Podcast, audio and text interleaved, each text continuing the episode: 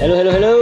Balik lagi di Housemate Talk bareng gue Dimas Anggakara dari Jabodetabek.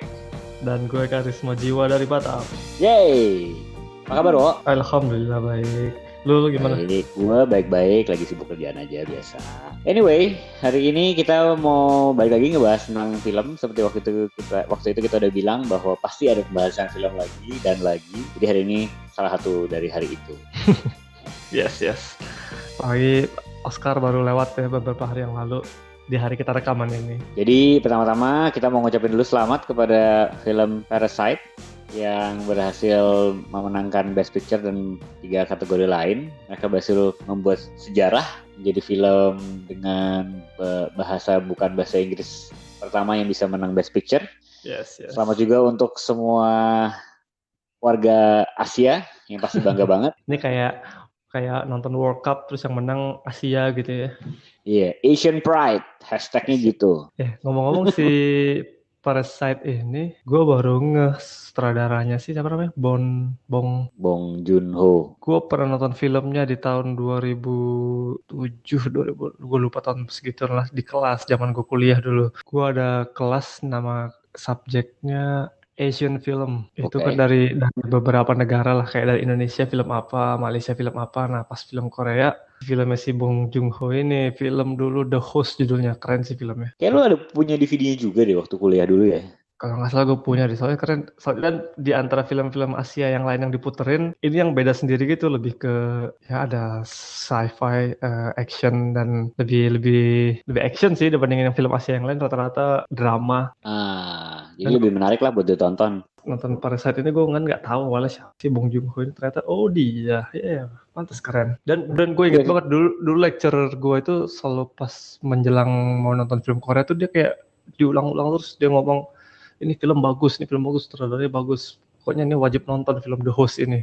Ternyata emang bagus sih. Gue nggak heran sih kalau Parasite menang karena Parasite emang bagus banget sih dari dari sinematografi, production value-nya. Terus, production value-nya keren sih. Bahkan yang gue dengar katanya rumahnya itu sebenarnya dia bangun khusus untuk film ini. Hmm. Jadi bukan rumah yang udah ada. Eh, menurut gue pribadi ya, secara cerita sebenarnya simple ya. Maksudnya plotnya itu kan simple aja. Cuman yeah. bagus sih penyampaiannya segala macamnya lah. Terus dia tuh banyak uh, apa apa istilahnya? Subliminal message. Bagus tuh. Betul. Nah tapi hari ini kita nggak mau ngebahas Parasite sih.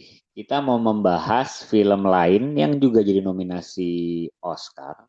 Dan kalau nggak salah film ini uh, adalah film yang memenangkan award kebanyak kedua setelah Parasite di Oscar kemarin. Dia menang tiga kategori, Parasite menang empat kategori, makanya dia di ranking dua dari total perolehan piala Oscar di 2020 yeah. yaitu film 1917. Ya, yeah, yang kebetulan kita berdua baru nonton ya. Betul sekali. Gimana Wak menurut lo? 1917 menurut gue film ini pantas dapat best cinematography di Oscar angle-angle kameranya, cahayanya bagus sih, gerakan kameranya tuh memuaskan mata lah. Makanya nonton film ini cocoknya di bioskop emang, lebih puas. Setuju, setuju banget. Apalagi dikombinasiin sama scoring dan apa audionya yang agak menegangkan kadang-kadang jadi dapat lah gue feel perang dan apa ketegangan film perang di film ini. Menurut lo gimana di film ini? Menurut gue, of course bagus dan uh, meskipun sebenarnya awalnya gue nggak tertarik nih nonton film ini karena gue cuma tahu oh ini film perang dunia pertama terus ceritanya juga nggak terlalu dari kisah nyata cuma katanya cuma based on ceritanya kakeknya direkturnya Susan Mendes. Hmm. tapi gue tuh tiba-tiba tahu bahwa oh ternyata dia uh, syutingnya pakai approach one take shot gitu jadi long shot yang jalan take it jalan terus gak ada cutnya gitu seolah-olah mirip Birdman. Birdman ya. Wah. Mm -mm, itu kayaknya menarik banget gitu ya apalagi film perang settingnya pindah-pindah pengen lihat lah eksekusi gimana. Meskipun gue tau lah pasti nanti ada sebenarnya ada cut cuma mereka udah ngerti gimana cara ngekatnya supaya lebih halus kan. Uh-huh. nah menurut gue sih film ini jadi sangat bagus karena dia memutuskan untuk pakai uh, one take approach ini. Karena kalau enggak mungkin agak biasa aja gitu. Soalnya kemarin itu kan nonton terus enggak kekat-kekat kan pastinya maju terus maju terus terus terus terus tegang tegang tegang tegang terus akhirnya sampai di adegan yang di salah satu adegan itu yang dia malam-malam di dalam sebuah ruangan yang dia ngumpet itu ada ada perempuan Prancis itu. Kan tiba-tiba pace movie-nya jadi pelan tuh. Nah gue ngerasa kayak kayak ngerasa istirahat juga sama kayak aktornya di situ. Dia istirahat juga. Itu Iya, gue sebagai penonton ngerasa aduh istirahat juga nih. Jadi tense tuh kerasa karena dibantu dengan cara syuting kayak gitu gitu nggak putus-putus. Iya, itu keren banget sih. Nah terus yang menarik juga eh, kan tokoh utamanya ini sebenarnya nggak terlalu terkenal banget ya secara du- di dunia ya nggak tahu ya, setelah film ini mungkin lebih terkenal gitu Mhm. cuman yang menarik adalah tokoh-tokoh yang mereka temuin gitu atasan-atasannya kalau tuh aktornya di cast ah, si ini ah, si itu Itu keren sih. Per- iya kan kayak per part lu ketemu aktor yang wow dia, terus kedua wow. itu bagus sih bagus. iya makanya Hmm. terus kebayang gitu hmm, dibayar berapa ya dia untuk tampil segitu pendek doang Itu kita perlu kalau kita sebutin nggak spoiler kan ya? Itu kan pasti ada di cast film. Hmm, ada sih cuman ya udah lah nggak usah disebutin deh daripada terlalu spoiler ya kasihan ya mungkin ada yang belum nonton Ya, ya. Nah sebenarnya kalau untuk film long take, ah long take one take sih namanya ya itulah. Gue tuh dulu inget zaman kuliah ada satu film dikasih tahu dosen gue di kelas. Tapi sampai sekarang gue lupa judulnya. Gue penasaran itu salah satu film long take terbagus sih. ya sebenarnya sih approach ini udah lama gitu kan bahkan kayak tadi gue sempat sebutin Birdman pakai cuman kalau nggak salah sih salah satu pionirnya itu Martin Scorsese di The Goodfellas Iya, yeah, Goodfellas ini ya. Lo, gue kok lupa. nggak nggak seluruhnya tapi ada satu adegan yang dia ambil long take dan itu lumayan technically su- lumayan sulit jadi adegan itu si karakter ini berdua sama pacarnya dari luar dari jalanan dia masuk ke dalam gedung turun ke basement lewatin uh, maze gitu kan uh, koridor habis itu masuk ke dapur masuk ke ruangan apa baru akhirnya masuk ke dalam ruangan utama pestanya gitu Nah, sepanjang jalan tuh kan lightingnya udah diganti tuh. Nah, itu tuh tetap tetap aja bagus itu colornya dan kelihatan oke ini ruangannya emang lightingnya lighting neon. Yang satu lightingnya lighting kuning gitu. Dia tetap bisa maintain itu dan film itu dibikin di tahun 80-an apa 90 awal ya di mana sebenarnya pasti kan masih pakai filmnya. Dan itu lighting sangat penting gitu. Nah, itu ngeset lightingnya gue nggak tahu sih gimana caranya supaya nggak kelihatan. Kalau film yang si 1917 ini pas malam itu dia yang ada adegan gedung-gedungnya terbakar. Ya.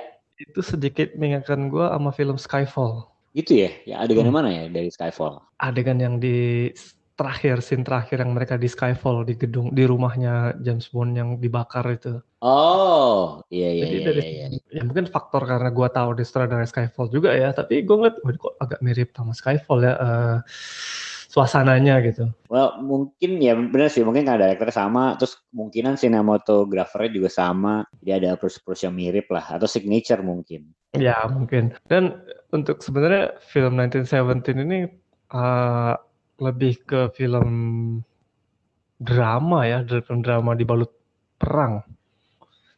Karena Iya. dia karena dia nggak ada nggak ada apa namanya bukan yang film yang strategi perangnya gimana bertahan gimana dia kan lebih ke perjalanan dia terus ya tembak-tembakannya juga cuma dikit kan lebih tapi adegan kejar-kejarannya bagus sih menurut gue kayak beda Iya gitu benar-benar. Dan ceritanya kan sebenarnya simpel banget kan. banget sedikit mengingatkan seperti Saving Private Ryan Iya, tapi kalau Saving Private Ryan kan emang kayak mencari gitu. Kalau ini kan kayak oke kayak ada eh, anak buah disuruh sama bosnya melakukan sesuatu. Udah, sebenarnya kan premisnya itu doang. Cuman perjalanan untuk menyelesaikan tugasnya itu yang jadi cerita gitu. ya baik lagi tadi yang lu bilang aktornya Inggris tuh kalau bikin film bagus ya aktor itu selalu dipilih yang kayak yang belum sebelum seterkenal itulah Iya, sering, sering juga kayak gitu. Dan mereka berani kayak gitu. Hmm, Ya sama kayak film kemarin filmnya si Nolan apa yang perang Dan Kirk, dan Kirk kan juga pemeran utamanya kan bukan orang terkenal juga kan. Bukan aktor yang udah terkenal banget kan. Terkenal dong pemeran utamanya kan Harry Styles. Bantu kali. Kan si yang cowok itu lagi kan. Iya ya, gue malah agak lupa sih karakter utamanya siapa karena gue cuma ingat ada eh, apa Tom Hardy aja di situ paling. kalau si 1917 ini pemeran satu laginya yang cukup terkenal lah karena dia udah main di Game of Thrones. Oh gitu ya, hmm yang gue nggak tahu. dia di Game of Thrones dulu masih agak kecil sih sekarang udah gede deh Oh oke oke oke oke. Itu dek- setnya juga bagus, bikinnya kostum juga bagus, makeupnya juga keren. scoringnya keren ya Nah, scoring itu siapa sih? Gue ada beberapa adegan mirip banget Hans Zimmer di The Dark Knight, cuma gue belum search sih. Beberapa gue malah ngedengernya kayak Skyfall. Kayak Skyfall ya. Tapi Skyfall nggak tahu siapa scoring. Mungkin sama. Misalnya Adele Gue kan. belum gue belum sempat googling sih. Oke, terus kan eh, balik lagi ini kan 1917 1917 ini kan didirect oleh Sam Mendes. Selain Skyfall dia bikin apa lagi ya? Film setelah Skyfall, Spec Spectre, Spectre. Spectre juga dia ya? Iya, tapi di nggak tahu kenapa di Indonesia Seventeen ditulisnya the, from director of Skyfall. Mungkin Skyfall lebih lebih hits kali ya. Dan emang lebih bagus sih dibandingin Spectre. Terus dia Betul. bikin juga Road to Perdition. Ingat nggak lu? Oh, oke. Iya, iya, iya, iya, iya, iya. Filmnya Tom Hanks ya. Ya udah lama banget tuh ya. Film mafia itu gue punya DVD-nya juga tuh. Sama, gue tau film itu dari dulu kok waktu kuliah. itu film film father and son relation. Gue paling suka film-film kayak gitu. Dapet. Oh, oke, oke. Terus oke. dia juga bikin film American Beauty itu dia. Hah, dia ya?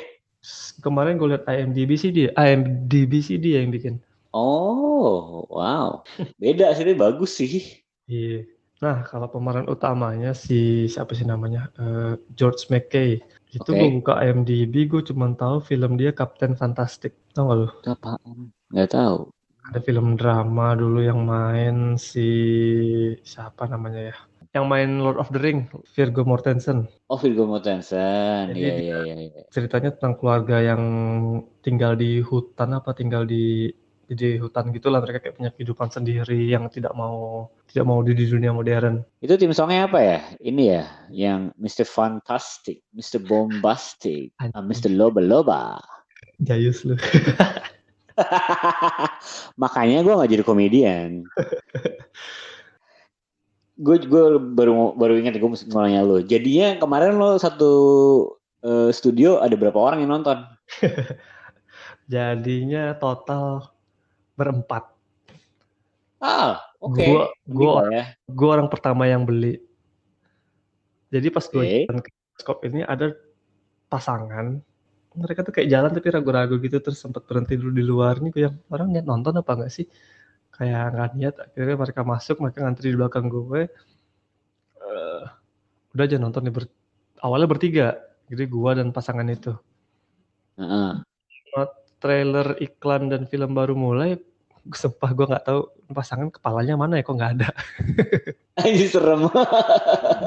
Oh, beda satu baris di depan gue mereka gue agak sebelah kanan dia di depan kiri gue lah kepalanya mungkin mereka ada. slouch, ya mungkin mereka slouch melakukan hal-hal privat. mungkin nah terus film baru jalan berapa menit ada satu dua orang lagi datang ibu-ibu sama uh, anak SMA nah baru pasangan ini kayak membenarkan posisi duduknya lalu mereka nonton jadi baru sepanjang film kepalanya kelihatan Berarti betul ya. Jadi total ada lima orang dong sama lu. ada lima orang untungnya gue gue sih kalau nonton sendiri nggak masalah cuman kalau satu bioskop gue sendirian nah itu gue belum pernah gue juga belum pernah sih. Gue pernah satu bioskop bertiga. nah itu gue juga pernah Nah, Wo, tapi menurut lu film ini eh, ada kekurangannya nggak? kekurangannya ya kalau menurut gue pribadi mungkin klimaksnya sih kayak kurang kurang greget gitu Hmm, kalau mungkin kalau di luar. Di luar sinematografi di luar scoring dan lain-lain. Sebenarnya ceritanya sangat simple. Mereka anak buah disuruh nyampein pesan dan nyari orang. Udah gitu kan tapi ya itu pas nyampe ke klimaksnya kayak yang lah udah nih gini doang gitu. Sama satu lagi menurut gue eh, jaraknya mereka ya. Kayak mereka kan dari satu titik ke titik lain tuh. Yang Hmm. dengan gua itu apalagi nih di medan perang itu kan harus kayak jauh banget gitu kan. Atau jauh lah. Tapi gue ngerasanya kayak deket amat sih kayaknya jaraknya gitu kayak nggak sejauh itu Ya kayaknya kalau itu emang nggak bisa deh. Soalnya waktu lu maksimal dua jam lah biasanya kan. Kalau lu cuma la- jalan-jalan jalan-jalan doang kelamaan deh kali filmnya. nggak maksudnya mungkin mungkin cut cutnya itu ada ya dia nunjukin kalau dia udah jalan mungkin eh, kameranya di angle lain yang nunjukin dia lagi perjalanan jauh ini kan enggak kayak cuman cuman berapa kilo doang gitu kesannya Iya iya iya. Cuma kan gara-gara dia mutusin pakai one take kan agak susah ya untuk pindahin kamera. pertama gue penasaran perang dunia satu Inggris itu udah ada, udah ada tentara kulit hitam ya? Gue nggak tahu sejarah Mungkin sih. udah. Ya mungkin kalau Inggris mungkin udah kali ya. Ya mungkin aja sih. Tuh, Soalnya agak jarang gue ngeliat film perang, apalagi perang dunia satu ada tentara kulit hitam. Bahkan itu yang di truk itu ada satu yang agak Indian bukan sih? Iya, iya. India gitu.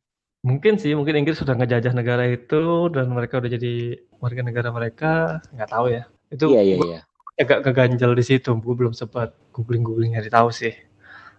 Iya iya iya iya. Ah oke kalau gitu sekarang kayak kita udah kelar ngomongin 1917 atau 1917. Sebelum kita tutup, gue cuma pengen nanya nih, eh, film-film apa nih yang lu mau nonton nih berikutnya di tahun ini? Eh, film tahun ini gue taunya cuman filmnya Christopher Nolan, apa Tenet ya? Yes, Itu sih yang gue nanti sih. Iya. Sisanya apa ya? Gue lagi nggak ngikutin ada bakal film apa yang keluar. Sisanya paling film Marvel. Marvel yang paling deket Black Widow ya. Iya Black Widow. Nah, Nanti itu Black Widow, terus nanti di akhir tahun ada di Eternals yang ada Angelina Jolie. Oh, kalau Black Widow gue kayaknya ya nonton buat cari hiburan aja lah. Kayaknya nggak, gue kurang kurang ini sih, kurang kurang gimana gimana gitu. Nonton biar nggak ketinggalan ini aja ya timeline-nya Marvel ya. Yo, biar tahu aja. Terus ada Wonder Woman. Oke, itu juga ya sudah lah ya. Ya, buat hiburan aja. Itu filmnya yang apa? Like baru baru rilis Bird of Prey. Bird of Prey. Itu kok gue lihat beritanya kurang ini ya di minggu pembukaannya. Iya, katanya nggak berhasilnya mencapai target box office-nya tuh. Gagal lagi. Iya, masih ada aroma-aroma Suicide Squad yang pertama sih. Iya, sayang banget ya. Betul. Film Indo yang gue tau filmnya Nicholas Saputra baru rilis tuh. Apa tuh? Dia sebagai produser sih kalau nggak salah ini film dokumenter judulnya Semes- Semesta. Oh iya iya, itu bagus sih kayaknya. Hmm, ya tapi cukup berat ya. Semoga pada niat mau nonton sih di bioskop. Apalagi pesannya bagus sih soal alam. Iya dan shot-shotnya juga keren-keren kayaknya. ya. Mhm. Ya wes lah untuk nanti untuk film-film berikutnya kalau yang kita review semoga bisa lebih dalam lagi reviewnya. Yes, betul betul betul betul. Ini kita ya lagi-lagi seperti kita waktu zaman masih housemate-an dulu ya housemate talk ya bicaranya bisa dalam bisa dangkal. Terus suka suka suka aja. Yuk, ih. Ya sih.